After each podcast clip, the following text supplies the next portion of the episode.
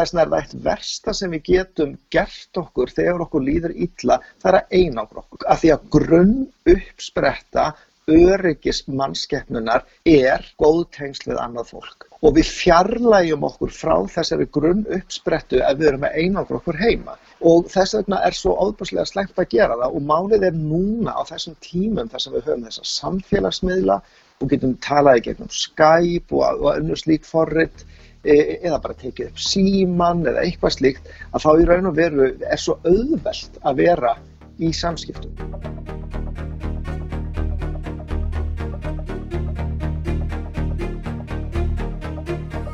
Komið sæl. Ég heiti Helga Arnardóttir og ég er umsjónamaður hlaðvarpsins og sjómastáttana lifum lengur. Í ljósi aðstæðina í samfélaginu ákvað ég að vinna hlaðvarp um ímislegt tengt COVID-19. Ég er í fæðingarálufi með tæplega fjögur að mannaða són og tala því við fólki gegnum Facebook Messenger. Ég get alveg viðkjent að það hefur oft gripið um sig ótti vegna þessa ástands sem nú ríkir. Yfirleitt hefur maður nátt tökum á honum en ég átti eina vökunótt af ótta um mína nánustu, þá sérstaklega mömmu mína og bróður minn sem er með viðkvam lungu. Þótt allt horfi nú til betri vegar og smitum fækkar Þá herma fréttir að símtölum á hilsugæsluna sem snúað óta og kvíða fjölgar töluvert vegna koronufaraldusins. Svo eru örglega enn fleiri sem kvíða framhaldinu hvað þetta gerir fyrir efnahægin, eignarstöðu og hreinlega afkomi fólks. Og af því tilefni ákvað ég að slá á þráðin til Guðbrands Árna Ísberg, sálfræðings, og rætti við hann um þennan kvíða sem herjar á okkur öll með einhverjum hætti. En fyrst þetta, sjónvarp Símans styrkir þessa þáttarserju um COVID-19. Fyrir þá sem ekki vita vil ég minna á að báðar sjónvarstáttaræðinar sem ég vann af lifum lengur eru síndar á sjónvarpi Símans Premium. Og ég hvet fólk til að horfa á fyrstu þáttaröðuna sérstaklega um fjórar likil stóðir heilsu, næringu, reyfingu, andlega heilsu og svepp. En núna vil ég líka mæla með íslensku efni á sjónvarpi Símans og það eru þættirnir með loga, pappiskoðar heiminn, vennulegt fólk og jarðaförin mín sem voru að koma inn um páskana. Hvet alla sem eru með áskrift að horfa á þessa þætti. En nú heyrum við í Guðbrandi árna sálfræðingi um kvíða. Sko það sem er mikilvægt að hugsa um varnandi kvíða þegar maður er að meðhandla kvíða, það er að gera sér aðeins grein fyrir hvað kvíði er og hvað það er sem setur hann í gang og það sem setur hann í gang er að sko það eru ákveðin svæði í heilanum sem eru stanslöst í raun og veru vakandi. Og þeirra hlutverk er að, að svona meta allt, allar upplýsingar sem skinnfærin hérna, veita inn í heilan. Hvort að það sem ég er að upplifa núna, hvort það er eitthvað sem ég þekki, kannast við og er þarflegandi örugt eða hvort það er eitthvað nýstárlegt og þar af leiðandi annarkort eitthvað spennandi, eitthvað sem fylgur sig möguleika eða akkurat eitthvað sem gæti verið hættulegt. Mm. Og ef hérna, eh, við, við metum það svo, er, við erum að tala um að sko, heilinu, þessi svæðir eru svo fljóta að vinna, við erum að tala um bara sko, millisekundur, 20-25 millisekundur sem eru sko, handan meðvitundar og ef þau meta það sem svo að þetta gæti verið hættulegt eða nýstarlegt meðan þau vita það ekki að það verður við kvíðin. Mm. Þannig, þannig að kvíðatilfinningin hún kviknar bara ekki einu á miklu hraðara heldur en bara augnabliki og, og þá kemur þetta líkil atriði, ok, hvað ætlum ég að gera við hennar kvíða? Ég finn að ég er kvíðin, gott og vel. Af hverju er ég kvíðin? Og þá skiptir það máli að við tökum meðvituðu svæðin okkar og floknu heila svæðin okkar í gang og hugsa um aðeins, hverju er ég kvíðin? Og varandi þetta tilfelli núna, það er náttúrulega þessi veira sem gæti verið, ef ekki mér skeinuhætt, að þá öruglega einhverjum sem ég þekki. Þannig að, ok, þannig að það er gott að vera kvíðin upp að þessu marki af því að þá ger ég þær varúðar ástafanir sem þarf að gera og landlættis ennbættið hefur verið mjög duglegt við að, að fræða okkur á. En málið er að ef við hérna svona sko, notum ekki þessi svona flóknu matsvæði að þá förum við að trúa bara því að af því að ég er kvíðin að þá er hætta á ferðum. Og, og við förum ekkert að hugsa um byrju hversu mikil eða e, þú veist, ákverju byggi eða heldur meira bara ég er kvíðin og þá verð ég hrættur og þá fer kvíðin að alaf sér svona bara kvíða hugsanir sem síðan fæða, fæða af sér aðra kvíða hugsanir og geta þá leitt til þess eins og þú uppliðir Helga að vera bara andvaka heila nótt. Mm -hmm. Algjörlega og sopnaði ekki fyrir en ég fann eitthvað podcast þar sem var verið að lesa sögur eftir Hási Andersen Já. og þær voru kvíslaðar. Þá lóksir sopnaði ég.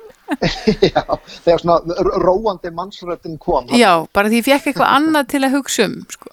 Nákvæmlega, og, nákvæmlega. og, og það er líka þessi hræðsla sko það, og, og bara hvernig ámar að tala sjálfan sig til í svona ástandi? Sko það er alltaf best að, að þegar við verðum kvíðin að hugsa þá hvað er það sem gerir mig óörögan og í þessu tilfelli það er þá náttúrulega það að ég gæti smitast. Ok, gott og vel. E, get ég eitthvað nefn minga líkurnar á því að smitast og þá hefur maður náttúrulega, ég menna það er að fara á netu og afla sér fullt af upplýsingum hjá þessum svona viðurkendu aðilum eins og landlættinsembætti og, og líka þessari VF síðu sem er. Og þar eru góð ráð og þar eru líka bara alltaf svona staðreindir um bara hvernig hún smitast eftir því sem við best vitum og allt þetta. Þannig, þannig að, að maður getur svona róa sig bara með sko skynnseminni mm -hmm. E, nema að maður sé komin svona bara kvíðin sé orðin það mikill að þá í raun og veru hamlaran skýrri hugsun og þá eru við komin á vandan stað og gætum endað jafnvelega bara í ykkur kvíðakasti. En þá eru aðrar aðferðir sem duga vel til og það er, eru svona öndunar og slökunaræfingar sem stundum duga. Nú eða þá að, að reyna að taka hugleðsluæfingu eða, eða hérna, núvitundaræfingu eða eitthvað slíkt eða þá að tala við einhvern og þá ekki endilega um það sem er að valda manni kvíða heldur kannski bara eitthvað allt annað dreifa hugunum alveg eins og þú gerðir með ævintirunars Hási Andersen. Að því að þegar maður dreifir huganum þá er maður í raun og veru að fylla vinslu minnið sitt sem hérna vinslu minnið er svona það sem við meðvituð um hverju sinni og það er mjög takmarka magn upplýsingar sem getur verið í því. Þannig að þegar maður er að, að hérna að í raun og veru bara með, með krafti viljans að nú beina aðteklinni sinni eitthvað annað að þá er það sem fyllir vinsluminnið og það getur verið, já, Hási Andersen eða það getur bara verið að tala við einhvern sem að þekkir og þykir væntum og er sjálfur vonandi hérna sæmilega örugur og rólegur. Og þá í raun og veru hefur það bara smítandi áhrif á okkur þannig, þannig að við róumst. Mm -hmm. og ef svona ekkert af þessu dögar að þá hérna náttúrulega er hægt svona tímabundið að, að hérna taka að fá hjá heimilisleikni einhvað kvíðastillandi eða, eða jafnvel svepplif svona sem náttúrulega eru bara notuð í, í mjög skamman tíma þannig að það er, sko, það, það er alltaf hægt að gera eitthvað mm -hmm. Hvenar er maður komin að þann stað að, að maður er búin að missa stjórn og, og þyrti eftir við lif? Það er þegar hérna svona þessar svona skinsamlegu aðferðir sem ég var að tala um það sem er bara vega og met út frá bara svona staðrindum þegar þær dög ekki þegar við get, finnum einhver rói líkamannum og getum ekki einhvern veginn andað inn í kvíðan með því að þú skera einfaldara öndunuræfingar eða, eða hérna og það þýðir ekkert að vera að tala við eitthvað af því að hann bara næri ekki sambandi við mann. Það þarf að segja þegar bara kvínin er algjörlega komin út úr böndum og, og við höldum að við sem bara missa stjórn á okkur og séum jáfnveg bara deyja. Það er þannig sem við upplifum gætnan þegar við fáum kvíðakast að við höldum raunverulega í því ástandi að við séum að deyja því að hérslátturinn er svo, er svo mikil.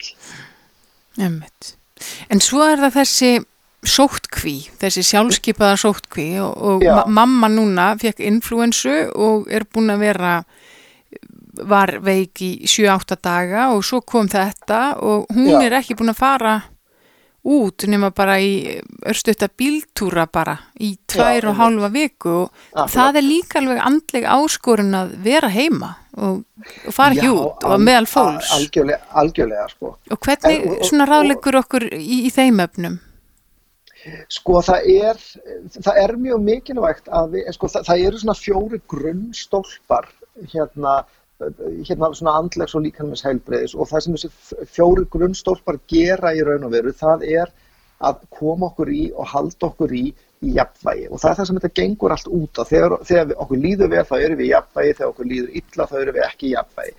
Og þessi fjó, fjóri grunnstofar eru í fyrsta lagi svefnin sem við vitum heilmikið um og er mikið talað um í fjölmjölum. Nú þetta með að borða sæmil og hotlan mat og reglulega. Nú þetta með að reyfa sig, það skiptir nefnilega líka, líka máli. Þetta með að fá sig kannski smá göngutúr það hérna 20-30 mínútur á dag, það, það, það gerir undraverk e, og svo er þessi fjörðistólpi sem er að vera í tengslum við fólk þar sem manni líður svona næjanlega vel í merkingunni, mér finnst ég bara geta verið ég. Einmitt. Og það er alveg ótrúlega mikið bara kemist sem gerist inni í heilabúuna á okkur og í líkamannum þegar við erum að tala við mannesku eða erum í kringum mannesku þar sem okkur líður þannig að ég get bara verið ég. Þannig að þess er það eitt versta sem við getum gert okkur þegar okkur líður illa, það er að einangra okkur. Að því að, að því að grunn uppspretta öryggis mannskeppnunar er góð tengsl við annað fólk. Og við fjarlægjum okkur frá þessari grunn uppsprettu ef við erum að einangra okkur heima og þess vegna er svo óbúslega slengt að gera það og málið er núna á þessum tímum þar sem við höfum þessa samfélagsmiðla og getum talaði gegnum Skype og, og önnur slíkt forrið e, eða bara tekið upp síman eða eitthvað slíkt að þá í raun og veru er svo auðvelt að vera í samskiptu. Þannig að það er bara ímestlegt sem er í gerfin hérna inn í framlegsla streytuhormónum fyrir nýður á við sem og noradrenalíni, nú framlegsla á svona endorfínum fyrir upp á við sem og dopamíni og svona getur maður haldið áfram.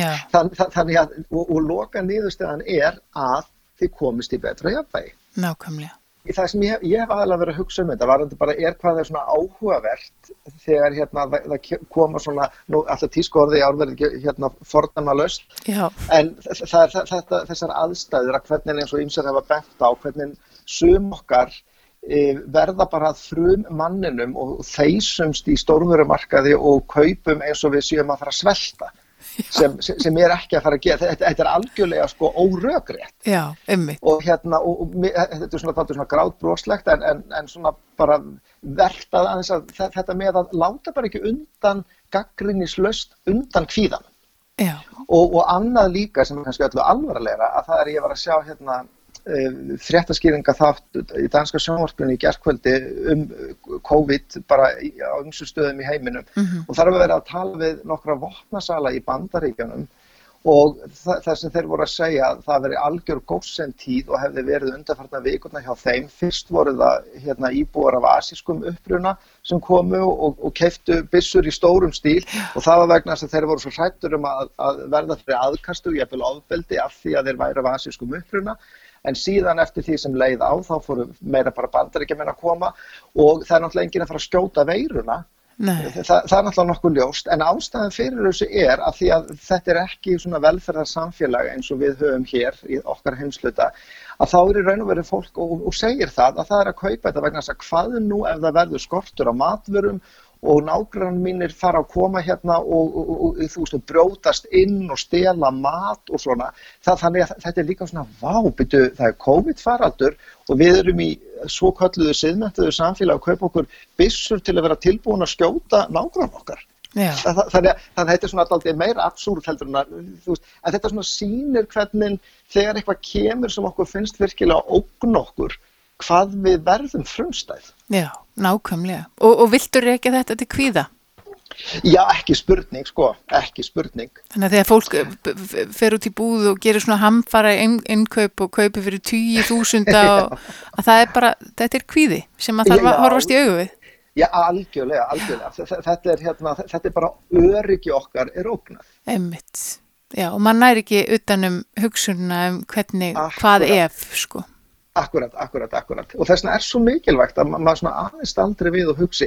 En það sem ég hugsa líka svona í lokina því þú spurðið með þarna, að, að, hérna, að ég hugsa líka að nú erum við svona daldið að sína okkar samtakamátt og við erum að gera okkur aðeins að vakna upp við það að við erum í þessu saman. Þetta er ekki lengur bara einhver tóm orð, þetta er bara raunveruleiki mm -hmm.